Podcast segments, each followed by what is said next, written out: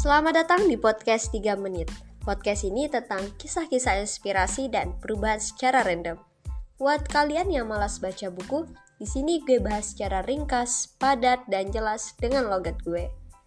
Jangan pakai lama, langsung aja. Tema podcast kali ini adalah setia pada perkara kecil.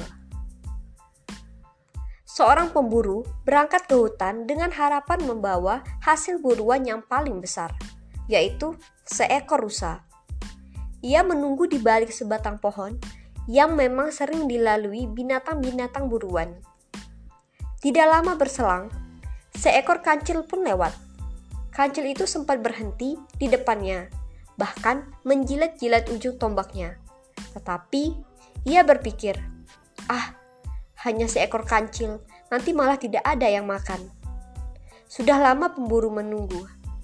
Tiba-tiba terdengar langkah-langkah kaki binatang mendekat.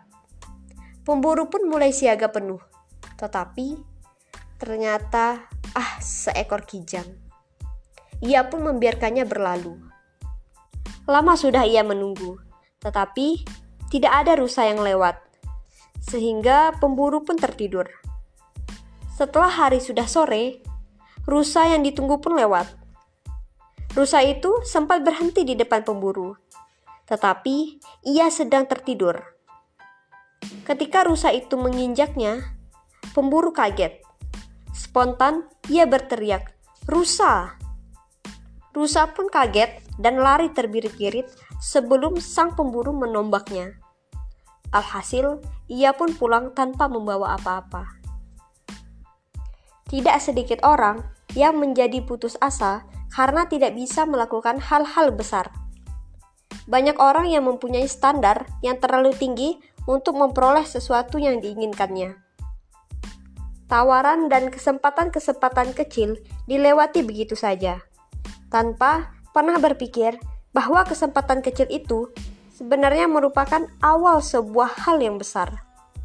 Tidak jarang, orang-orang seperti itu menelan pil pahit karena akhirnya tidak mendapatkan apa-apa.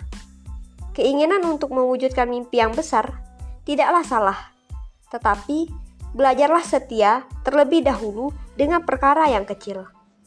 Sebelum gue tutup, ada kalimat yang bisa kita petik dari tema setia pada perkara kecil. Kesempatan kecil kerap kali merupakan awal usaha yang besar.